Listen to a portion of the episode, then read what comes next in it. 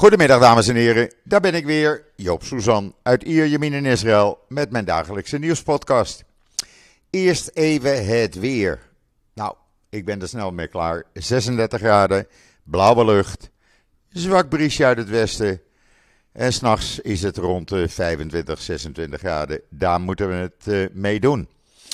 En ja, dan hoor ik uit Nederland dat er een hitteplan in werking is gesteld en uh, asfalt wat smelt en allerlei beperkingen. En dan denk ik, mensen, ten eerste, iedereen gaat zomers op vakantie naar de hitte. Spanje, Portugal, Zuid-Frankrijk. En ten tweede, ja, hier in Israël is het ook heet. En dat is het al weken, maanden. En dat gaat nog even een paar maanden door. En uh, ja, vandaag 36 graden. Er wordt gewoon gewerkt. Ik zie zonnepanelen worden aangelegd op de school. En ik zie zelfs de tenniscompetitie doorgaan. Er is vlak bij mij aan de overkant een tennispark met zo'n 24 banen. En daar wordt op dit moment volop getennist. Het heetst van de dag. Hitteplan? Nou, daar doen we even niet aan. Gewoon normaal doen. Je kan gewoon lopen.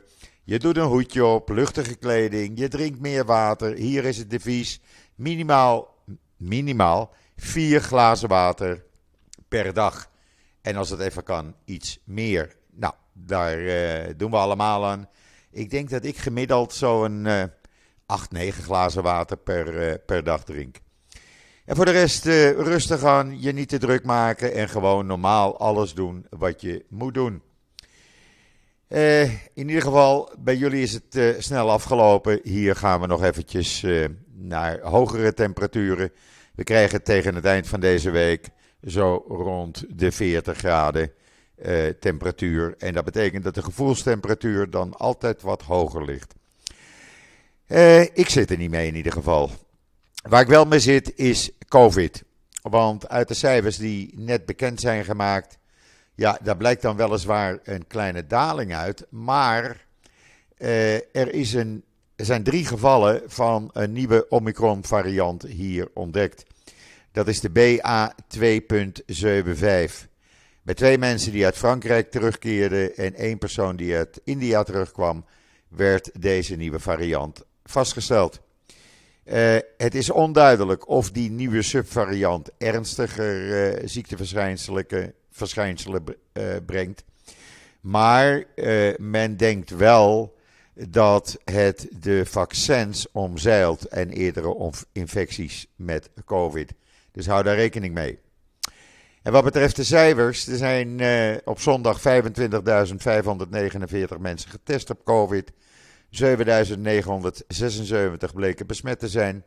En dat is een percentage, en dat is nog vrij hoog, 31,2% In totaal zijn er nu 61.174 COVID-patiënten in Israël. Het aantal patiënten ernstig ziek in de ziekenhuizen is gestegen naar 441. En het aantal mensen die kritiek liggen is gestegen naar 107, waarvan er inmiddels 90 aan de beademing zijn aangesloten. Het dodental door COVID is opgelopen naar 11.181. Ik moet wel zeggen dat veel mensen die in de ziekenhuizen liggen onderliggende ziektes hebben, dan uh, moet daar wel een onderscheid in gemaakt worden, vind ik. En dan uh, heeft de IDF de afgelopen nacht weer 11 terreurverdachten gearresteerd en weer een partijtje wapens in beslag genomen. Verschillende plaatsen en dorpen in Judea en Samaria. Het hele verhaal plus de foto in israelnieuws.nl natuurlijk. Daar kan je ook de video zien van het bezoek, eh, de tweede keer binnen vier weken, en dat is wel opvallend, van de commandant van de Amerikaanse CENTCOM, het Centraal Command. Die is uh, gisteren voor de tweede keer in Israël geweest. Tweede keer in vier weken, zoals ik zei. En kort na het bezoek van Biden. Je zou haast gaan denken dat er wat staat te koken. Uh, dat wordt er niet bij gezegd. Maar lees het artikel, dan uh, weet je wat hij bezocht heeft. En welke kant we uit moeten denken. Het is wel zo dat ook de IDF-opperbevelhebber Kogavi, die vanmorgen naar Marokko is vertrokken voor een officieel driedaags bezoek. die heeft gezegd dat als de diplomatie niet meer helpt of werkt, dan rest er alleen maar om zo snel mogelijk Iran te gaan aanvallen. En dan uh, heeft een Israëlisch bedrijf, Little One Care, een apparaat ontwikkeld, ontwikkeld voor, met kunstmatige intelligentie. Dat baby's in de gaten houdt en de ouders waarschuwt voor noodsituaties en ontwikkelingsproblemen. Het is een uh, apparaatje dat zo is ontworpen dat het direct na de geboorte aan de kleding van de baby kan worden vastgemaakt, eh, zonder dat het enige hinderlijk, eh, eh, hinderlijk is voor de baby. Het analyseert de geluiden en bewegingen van de baby en het eh, maakt conclusies over wat de baby de hele dag doet. De informatie wordt geordend in een soort logboek. En uh, ja, daar wordt ook ingeschreven of ingezet uh, dan door dat apparaatje wanneer de baby huilde of lachte, wanneer ze muziek hoorde, wat ze deden en hoe ze reageerden op prikkels. Hartstikke goed, de video en het hele verhaal in israelnieuws.nl. Daar kan je ook lezen dat een in Israël ontwikkelde diagnostische, diagnostische kit zieke astronauten in de ruimte, in het ruimtestation, in staat stelt om zelf diagnose te stellen en te bepalen wat ze hebben. Het is uh, geëxperimenteerd door Ethan Stibbe toen hij een uh, aantal maanden geleden in het ruimtestation was.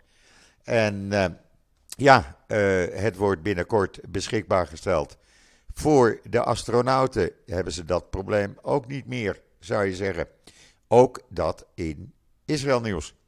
Waar je ook kan lezen, en dat is wel heel bijzonder, dat uh, het Amerikaanse uh, Marine Corps, die heeft met succes een op uh, de Iron Dome gebaseerd luchtdefensie prototype systeem getest.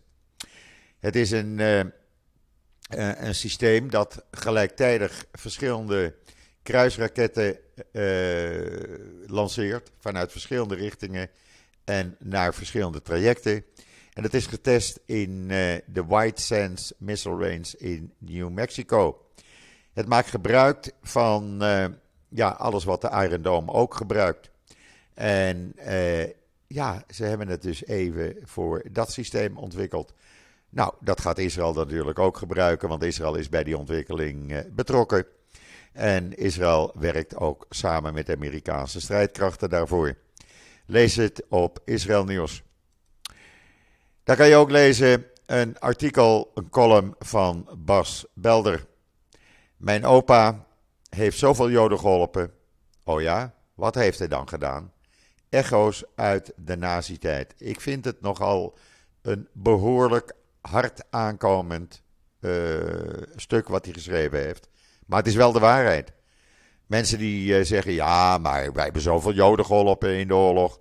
Nou, dan mogen we ook wel kritiek hebben op Joden. Blijken ze niemand geholpen te hebben. Maar goed, ze doen allemaal maar mee. Lees dit bijzondere verhaal van Bas Belder, zou ik zeggen.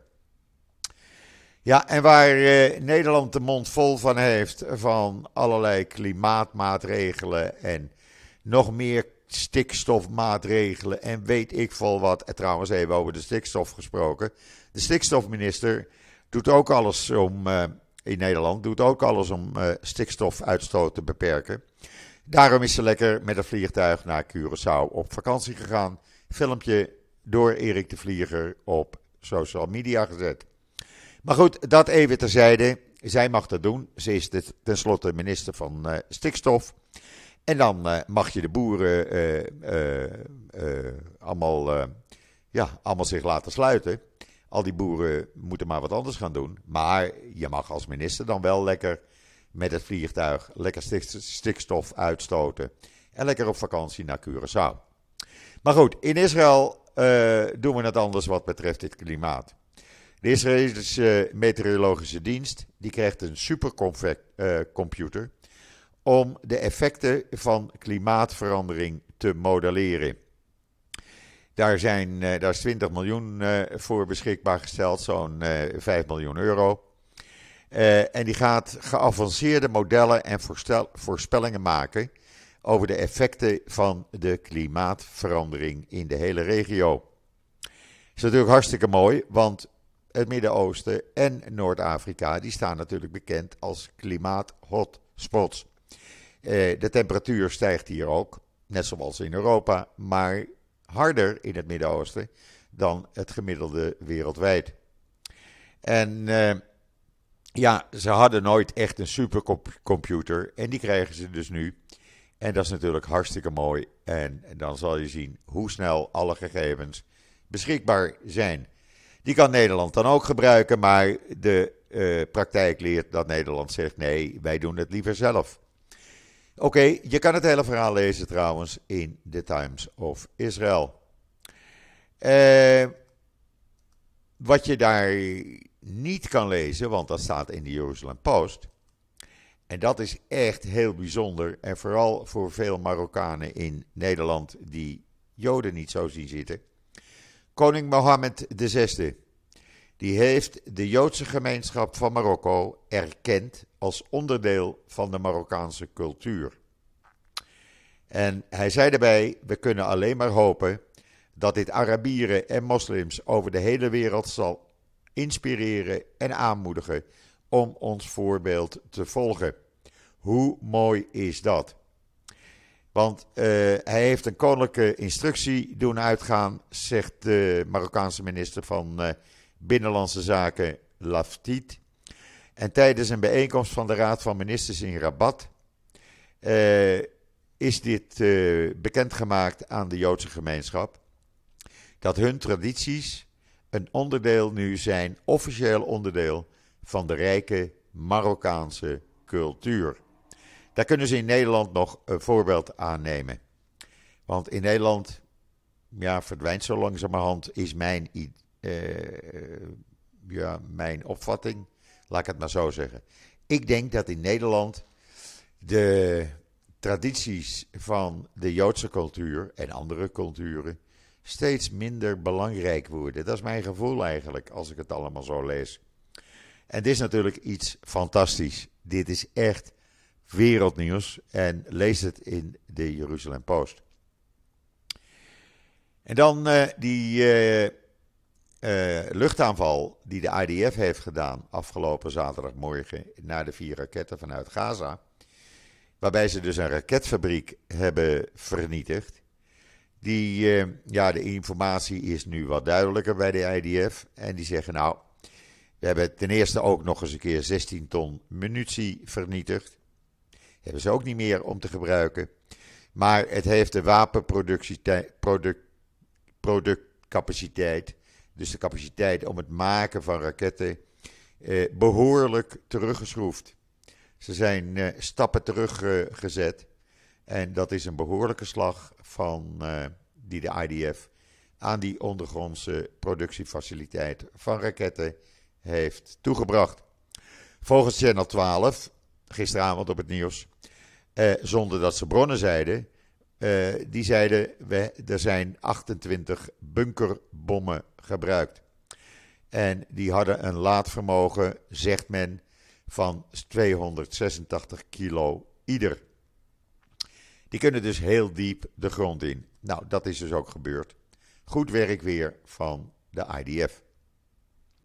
Ja, en dan vanmorgen is er een bus op snelweg 1 Tel Aviv naar Jeruzalem. Ja, hoe die het voor elkaar kreeg, niemand begrijpt het nog. Hij is door de vangrail gegaan en kwam aan de zijkant in een sloot terecht. Een bus met uh, gepensioneerden die een dagje uit waren. Uh, er zaten er zo'n 40 in. 38 van hen hadden wat lichte uh, verwondingen. een paar moesten even voor controle naar het ziekenhuis. Maar voor de rest gelukkig allemaal goed afgelopen. Maar hoe die het voor elkaar kreeg, niemand begrijpt er wat van. Ook de Times of Israel niet. Ja, en dan in de Likud, die hele toestand rondom Netanyahu. Het loopt een beetje uit de hand. Hadden we eerst een uh, activist die zei: uh, Ja, iedereen die de Likud heeft verlaten, die uh, is een verraaier. En die kunnen we niet meer hebben in de Likud. Dat is gewoon een man die niets te doen heeft. Die staat maar wat te schreeuwen bij iedereen voor zijn huis. Maar nu was er ook iemand die had gouden kettingen met de beeldenis van Netanyahu laten maken. En iedereen die een Likud getrouwen was, die kreeg dat om zijn nek. Zoals ook bijvoorbeeld de voormalige minister van Financiën, Chaim Katz. Die heeft het weer gauw uh, van zijn nek afgehaald, want die vond het te gek voor woorden. Terwijl het wel allemaal op video natuurlijk is opgenomen. Want ja, dat zetten ze gelijk online. Het loopt een beetje uit de hand. En ja, het rommelt ook wat binnen die Likud-partij. Kijk, dat je je leider adoreert, prima. Maar dat je dan uh, mensen waarvan jij denkt, nou, dat zijn hele getrouwen, die uh, moeten beloond worden, een ketting gaat omhangen. Dan denk ik, nou, eigenlijk ga je nu een paar stappen te ver. Dat moet je niet doen. En helemaal niet om het nog eens een keer online te gaan uh, zetten. En de mensen die het betreft, ja, die voelen zich erg ongemakkelijk. Maar ondertussen zit Netanyahu even in Londen. Voor wat weet niemand, maar is in Londen. En is er binnen de Likud, uh, ja, zijn er wat gevechtjes, wat ruzies uitgebroken. Want men zegt, ja, wij, wij willen ook wel een hoge spot hebben op de lijst. En Netanyahu is niet iedereen die het gaat bepalen. En wij willen een ander soort verkiezingen voor uh, de verkiezingslijst hebben dan Netanyahu wil. Uh, die wil uh, iedereen opzij zetten en het allemaal volgens zijn eigen richtlijnen laten doen. En deze mensen binnen de Likud-partij zeggen nee, het gaat gewoon via de Likud-richtlijnen. Dat wordt nog wel een dingetje. En dan, wat hebben we nog meer? Ja, we hebben natuurlijk zoveel, want er is een analyse verschenen in de Jeruzalem Post en ik vond hem verdraaid interessant. Ik heb het van de week een aantal, met, aantal keren met jullie erover gehad. Over die uh, kroongetuige, Gadas Klein. En uh, ja, er is nu een analyse van hoe schadelijk voor de kansen van Netanyahu om premier te worden of de verkiezingen te winnen, zijn deze uh, getuigenissen van Gadas Klein. Want ze komt natuurlijk met wat, nog wel wat verhalen over Netanyahu en zijn vrouw en zoon. En dan kan je zeggen van ja, dat doen we maar met een lachertje af. Maar het zijn wel onder Ede uh, geuite verklaringen. En ook uh, de banden tussen Sarah Netanyahu en al die biljonairs, al die tycoons, ja, dat wordt allemaal wat duidelijker. Wil je het helemaal weten, kijk even in de Jeruzalem Post. Het is een echt een interessante uh, analyse. Uh, en dan, uh, ja, heeft iemand een voorspelling gedaan waar ik eigenlijk wel in geloof. Dat is de CEO van Tadiran, het Israëlische bedrijf hier. Die heeft gezegd, ja, luister, uh, zei hij op de negende Israël-conferentie over infrastructuur, infrastructuur en bedrijven. Hij zegt, luister, uh, jaren geleden zijn we van de landlijnen voor telefoonverkeer afgegaan. Zo zal het niet lang duren voordat we van het elektriciteitsnet afgaan. En dan zullen jullie zeggen, ja, maar dan hebben we toch geen stroom meer. Nou, dat zegt hij wel. Hij zegt, want dan eh, gebruiken we allemaal zonne-energie, zonnecellen, uh, solarpanels. En dan hebben we helemaal geen elektriciteitsnet meer nodig. Nou, ik geloof daarin. Ik denk dat we dat op korte termijn, kortere termijn dan we denken, gaan meemaken. Hou daar maar rekening mee, dan zijn die elektriciteitsmaatschappijen gewoon overbodig. Hebben ook geen vervuiling meer. Hoe mooi is dat? Los je gelijk dat probleem weer op. En dan uh, op de uh, Maccabia Spelen, de Joodse Olympische Spelen, is wel iets heel bijzonders. Er is uit Uruguay drie generaties uh, atleten zijn meegekomen. Ja, echt waar. Er is iemand voor de dertiende keer naar de Maccabia Games en die worden elke vier jaar gehouden. Er is dus de opa van 82, de zoon van 52 en de kleinzoon van 22. Ja, ik kan het ook niet helpen, maar zo zit het wel in elkaar. En dat is toch fantastisch. de zoon doet, uh, die zit in het voetbalteam. De kleinzoon die speelt in een ander voetbalteam. En opa die, die doet tennis. Nou, hoe mooi is dat? Lees het op Times of Israel. En dan, ja, we hadden het al over Iran. Nou, een topmedewerker van Khomeini, of hij nou opschept of niet, maar hij heeft wel gezegd dat Iran technisch in staat is om een atoombom te maken. Nou mogen wij daar niet ongerust over zijn, althans jullie Nederland niet. Want Nederland heeft gelukkig een militaire attaché.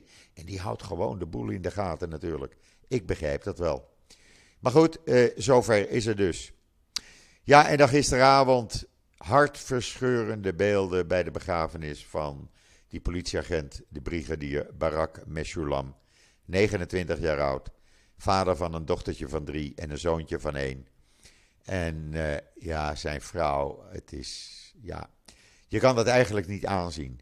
Het eh, hier in Israël, of in het Joodse geloof, maar hier in Israël natuurlijk helemaal, op de dag dat je overlijdt, ja, als het even kan, word je nog dezelfde dag begraven. En gisteravond om zes uur gebeurde dat. Er waren honderden, honderden uh, mensen bij aanwezig. Natuurlijk veel van zijn collega's.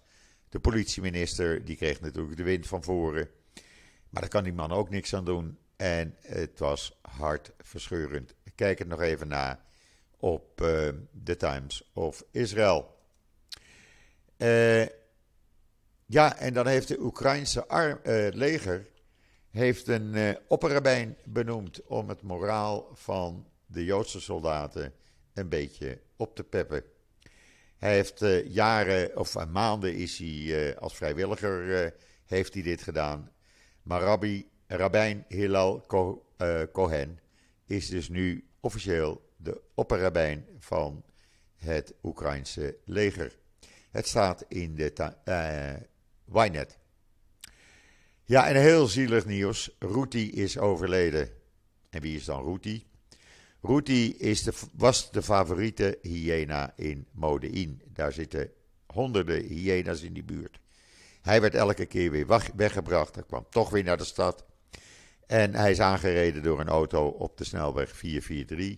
De alternatieve uh, route tussen Tel Aviv en Jeruzalem. Zielig, en veel mensen ja, zijn daar toch even van onder de indruk. En dan, uh, Lapiti had het nog even over uh, het gebaar van Saoedi-Arabië om het luchtruim open te stellen. En die zegt, ja, het zijn toch tekenen mensen van, uh, ja, naar normalisatie toe. Langzamerhand, stapje bij stapje. Het hoeft niet zo snel te gaan. Zolang we maar in de goede richting lopen, dan komt het allemaal prima in orde.